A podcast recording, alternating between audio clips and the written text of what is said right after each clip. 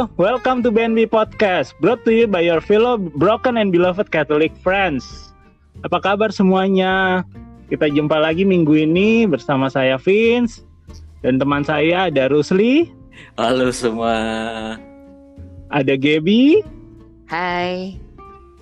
dan last but not least ada Feli. Halo. Wow, semuanya ada suaranya, tumben. Wow. Udah nahan ketawa. Padahal kita Kali rekaman ini- setengah 12 ya. Siang atau malam? Em, tergantung di mana. Oke, kali ini kita mau ngobrol-ngobrol tentang apa, guys? Gak ada yang menjawab. Duh, sedih. Hari ini juga kita mau ngobrol-ngobrol. Ini kita Tentang tiba-tiba diundang sama hostnya. Oh, Oh gitu ya, gitu ya, fine. Rasain Siap, nanti siap. kalian ada pembalasan minggu-minggu depan. Aduh, aku nggak jawab apa-apa loh ya. Balasnya di minggu depan aja. Udah titik. Tiga minggu ke depan. Oke, oke. Hari ini kita membahas soal misa. Misa tuh apa sih? Apa misa menurut kalian? Perayaan Ekaristi. Oke, udah misa belum? Sudah. Udah dong. Udah dong. Oh, online atau kebetulan- offline? Hari ini kebetulan Feli dan saya Gaby em, kita dapat kesempatan untuk misa offline setelah setahun ya. Kayaknya udah lama banget Lebih, ya. lebih dari setahun kayaknya. Hicks. Belum ya kok. Aduh kasihan. iya, Rusli masih online. Di mana sih? Mau dibocorin nggak sih kalian misa di mana?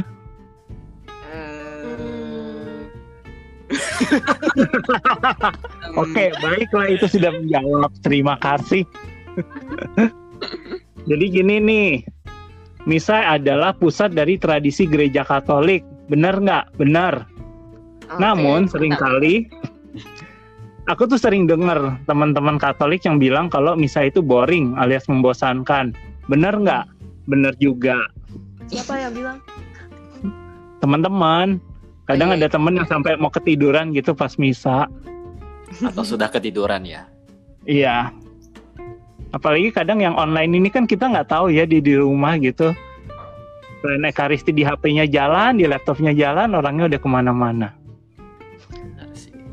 Terus kadang Siapa? juga ada anak-anak yang bilang kalau mereka tuh nggak mau ke gereja karena aduh gereja tuh nggak enak. Apalagi kalau zaman dulu tuh hari Minggu pagi tuh ada tontonan kartun, Iya. film di TV yang lebih menarik Jam daripada 8, gereja. Apa yang jam 8? Doraemon. Doraemon. ya ketahuan deh.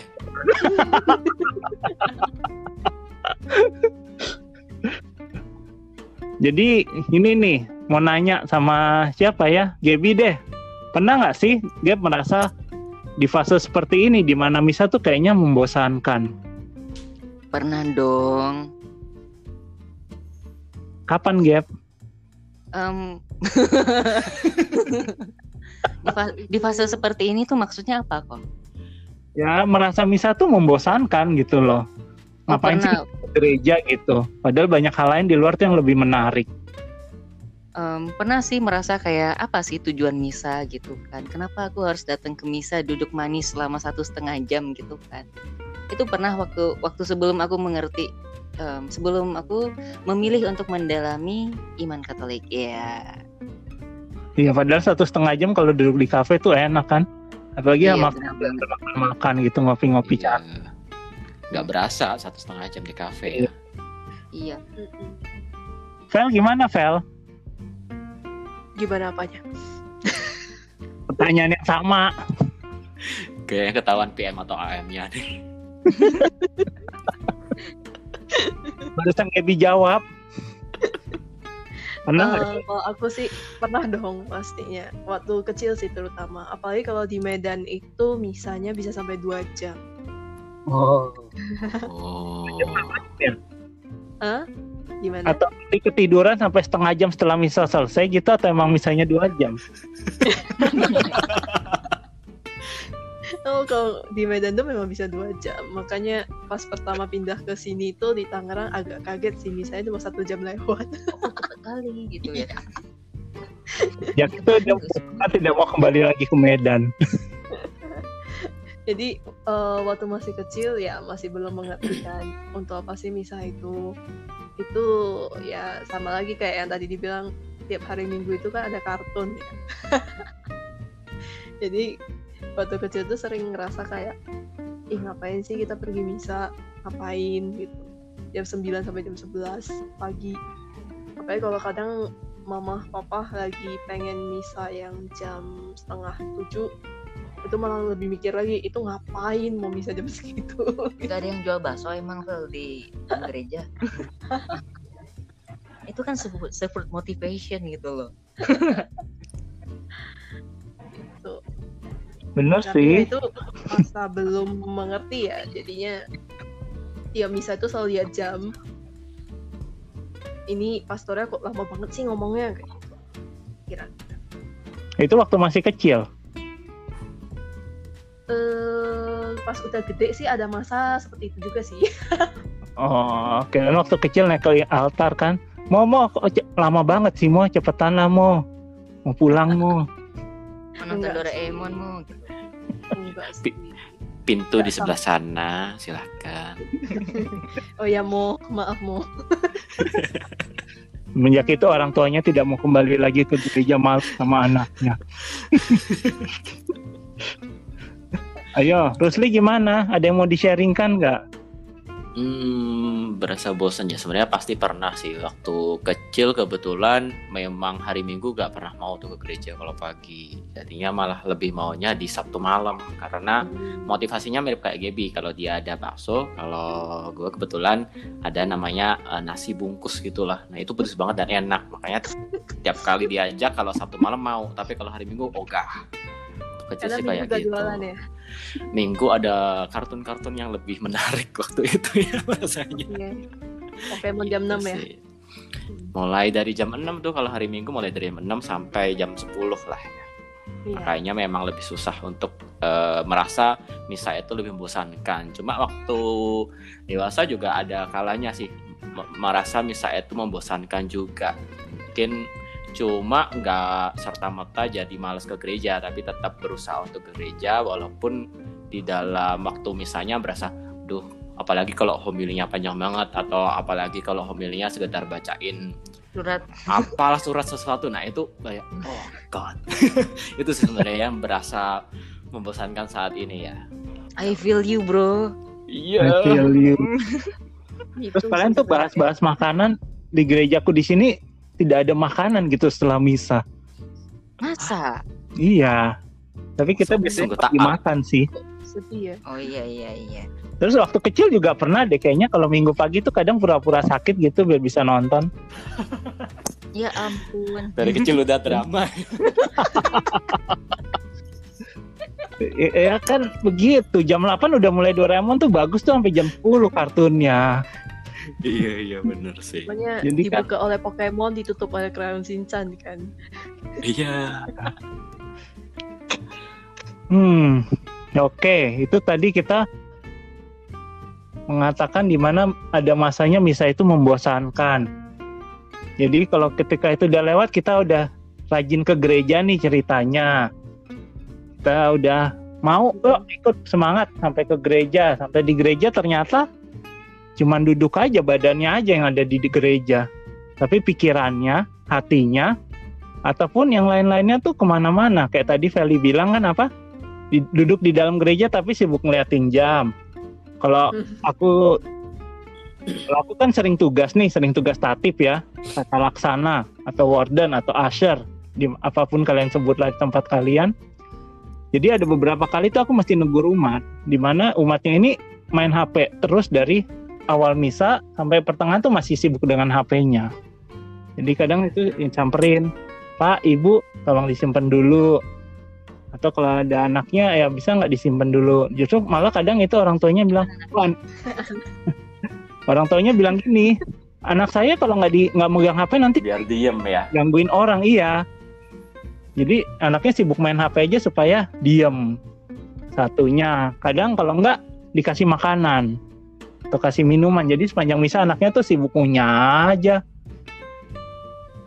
Jadi ya katanya ya supaya nggak ganggu umat lain.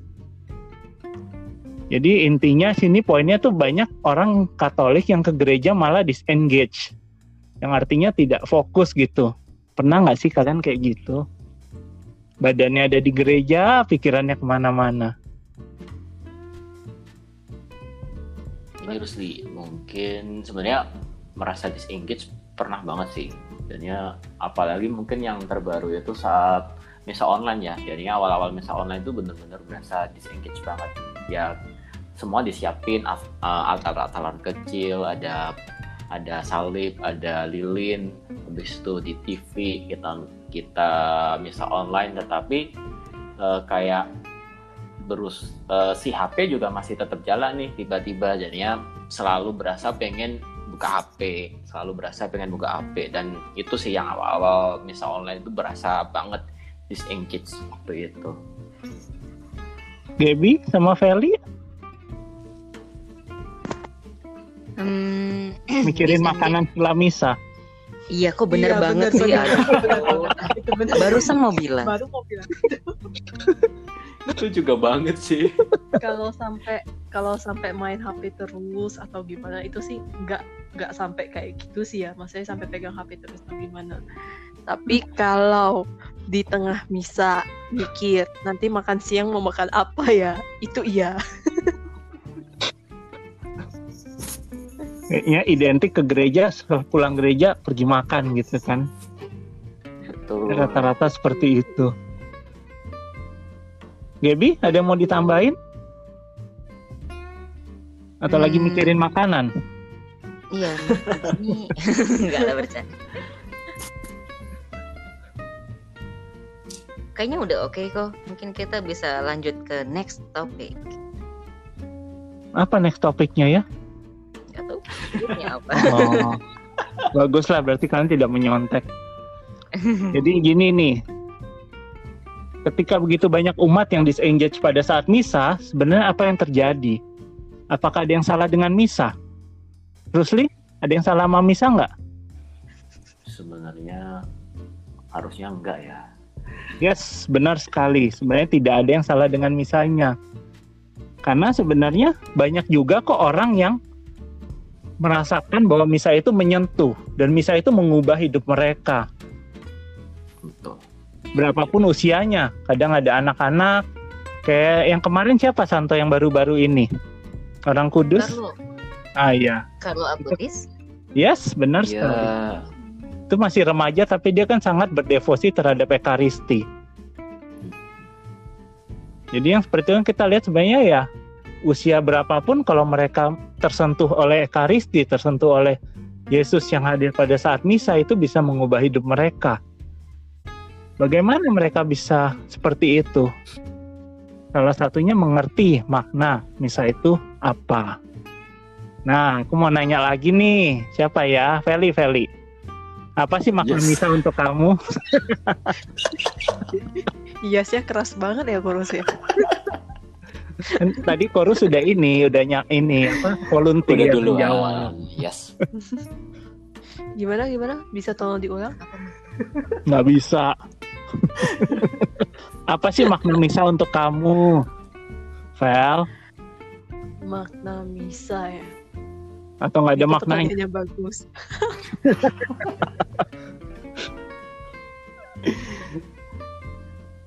Atau Em, suruh bantu jawab? kalau aku sih makna misa sih mungkin eh, lebih ke kayak apa yang aku rasakan kalau gak ada misa dan kalau ada misa kali ya kalau aku sih lebih ke damai sejahtera sih atau apakah semua orang merasakan seperti itu maknanya di mereka masing-masing tapi kalau untuk aku sih damai sejahtera Oke, makasih. Gaby? Makna misa buat aku itu kayak kayak bara sate gitu loh. Kalau kita mau bakar sate kan harus pakai bara api kan, Cia. Jadi di dalam diri kita itu kayak ada baranya yang apinya tuh harus selalu kita jaga. Nah, dengan ikut misa, dengan ikut dengan rajin berdoa, salah satunya misa ya kita bahas misa dulu. Di misa itu kan kita em, mendengar sabda Tuhan, dengar refleksi yang yang berupa homili gitu kan. Terlebih lagi kita um, menerima tubuh Kristus. Habis itu dapat berkat. Itu kan kayaknya kalau kita bisa sungguh-sungguh menghayati misa itu, itu kayak kita tuh baranya lagi dikepasin gitu loh. Sehingga um, harapannya apinya akan terus menyala. Gitu loh kok kalau dari aku. Oke, terus satenya ke mana ya Gil? Iya, jadi kepikiran sate. Bentar lagi order yuk. Orderannya ganti kenapa masih aja. bara sate, kenapa nggak bara api aja gitu loh? Kan Ini nih Gil. karena, karena itu biar lebih gampang diingat. Salah fokus Gap, ingatnya satenya. Ayo Rusli mau ditambahin nggak? Hmm, makna ekaristi ya mungkin sih eh, kalau sekarang lebih benar-benar kesempatan untuk bertemu dan bersatu langsung dengan Kristus sih jadinya kayak eh, apalagi sekarang merasa se- sejak misa online ya jadinya sempat Desember kemarin itu misa offline sekali dan wow itu benar-benar benar akhirnya bisa memaknai arti misa ekaristi jadinya kerinduan luar biasa untuk ber- bertemu dan bersatu lagi dengan Kristus di situ. Jadi kayak Feli lah ya minggu ini bisa terima tubuh Kristus. Iya. Akhirnya setelah sekian lama. Nah ini nggak tahu kapan lagi bisa terima. Iya Bener. Belum tahu bisa kapan lagi terima. Iya, jadi kalau aku ya ketika terasa tuh ketika misa menjadi online. Aku sebenarnya sangat menikmati misa online karena jadwalnya lebih fleksibel. Walaupun somehow Gak ngurus tatu. tetap bisa telat gitu misa online tak kenapa. Padahal deket banget. Dan sebenarnya apa ya ada beberapa misa online yang yang aku rasa benar-benar bisa dapat gitu. Ah, mungkin salah satunya sound sistemnya bagus. Karena kalau di sini aku di gereja kalau salah duduk sound sistemnya jelek yaitu nggak bisa kedengeran apa-apa. Jadi mesti tahu posisi duduk di mana. Dengan kalau misa online kalau sound sistemnya bagus tuh kedengarannya jadi deket banget, jadi jelas banget. Cuman ya itu misa online ya pada akhirnya apa ya kita jadi kayak berpartisipasi sih, tapi kita tidak bisa menerima tubuh Kristus. Dan Kayak nyambi ya. kayak apa? Nyambi. Kayak Part lagi timer nyambi. bukan Part full time. timer ya. Siap. Ui, bahasanya mungkin ya Mas Rizky bisa lebih ini lah ya. Dan aku bersyukur di sini udah dari November udah misa offline sih, udah misa di gereja. Dan dulu sebenarnya pengen digilir. Jadi sebulan itu bisa jadwal dapat jadwal sekali misa. Tapi setelah dijalani ternyata banyak yang masih belum bisa ikut. Karena umurnya di atas atau di bawah kriteria ataupun mungkin punya anak kecil. Jadi akhirnya bisa dapat jadwal setiap minggu untuk ikut misa dan itu sangat bersyukur. Jadi kalau Feli mau bisa ke sini pindah. Rusli juga boleh. Gitu. Kita Hmm. diakan akomodasi Enggak. ya? A- akan dipikirkan. Enggak. Udah pasti enggak. Mungkin perlu di nggak usah deh, nggak usah diomongin. Oke. Ini direkam soalnya, ada jejak digitalnya. Oke, fokus. Tadi kita udah membahas tentang makna misa untuk kamu. Kira-kira begitu. Jadi sebenarnya misa itu ketika kita menerima tubuh Kristus tuh sangat luar biasa. Itu sangat menyentuh. Sekarang menurut kamu hmm, siapa ya? Hmm, Feli lagi. Apa sih bagian misa yang paling penting? Ini biar gue bangun ya kayaknya. Gimana? Apa bagian misa yang paling Iya. Kalau menurut aku sih misa itu satu kesatuan Iya. ya dari awal sampai akhir. Makanya ada eh, tanda salib membuka dan ada pada akhir itu ketika terima berkat kita ada tanda salib lagi untuk menutup. Jadi kalau ditanyakan ke aku bagian mana yang penting, ya the whole thing is important satu misa itu semuanya penting kalau buat aku Oke. Nggak ada satu titik yang oh itu paling penting gitu Oke, jawaban yang bagus. Kalau gitu pertanyaan dirubah untuk Gaby. What? Oke. Nanti dibilang, oh aku sama kayak Feli. No, no, no. Enggak, enggak, enggak. Aku punya jawaban yang Apa? lain. Coba. Abis itu aku harus jawab pertanyaan yang selanjutnya. Iya. Tawar dulu. Apa pertanyaan? Apa jawabannya, Hmm. Gab?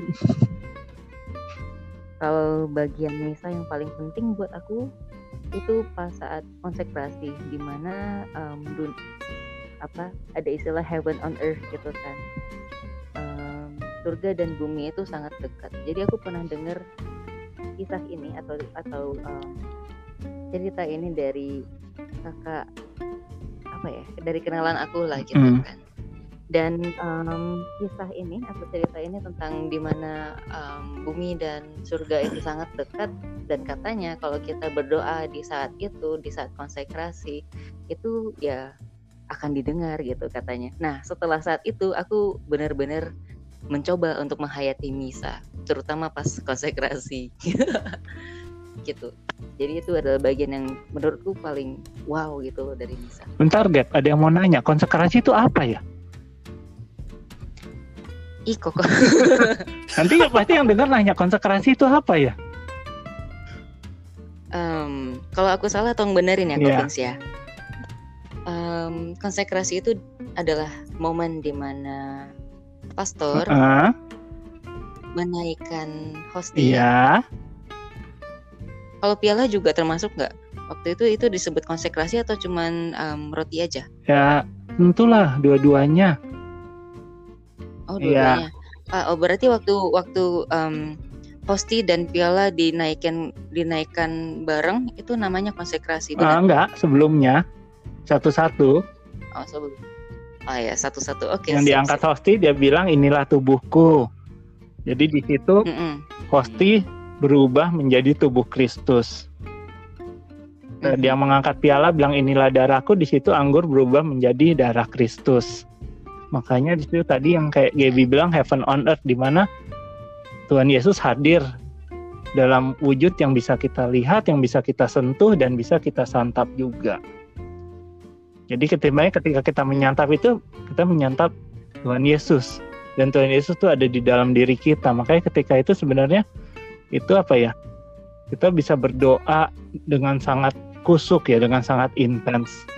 Dan katanya sih itu pada saat kita menyantap hosti itu sekitar 15 menit itu ada di dalam tubuh kita sampai dia hancur katanya.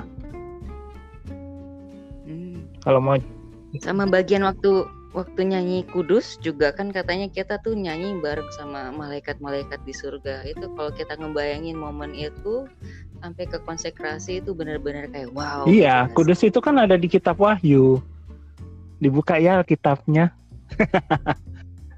Jadi sebenarnya misa kita itu juga banyak bagian yang sebenarnya kita mengambil dari Alkitab.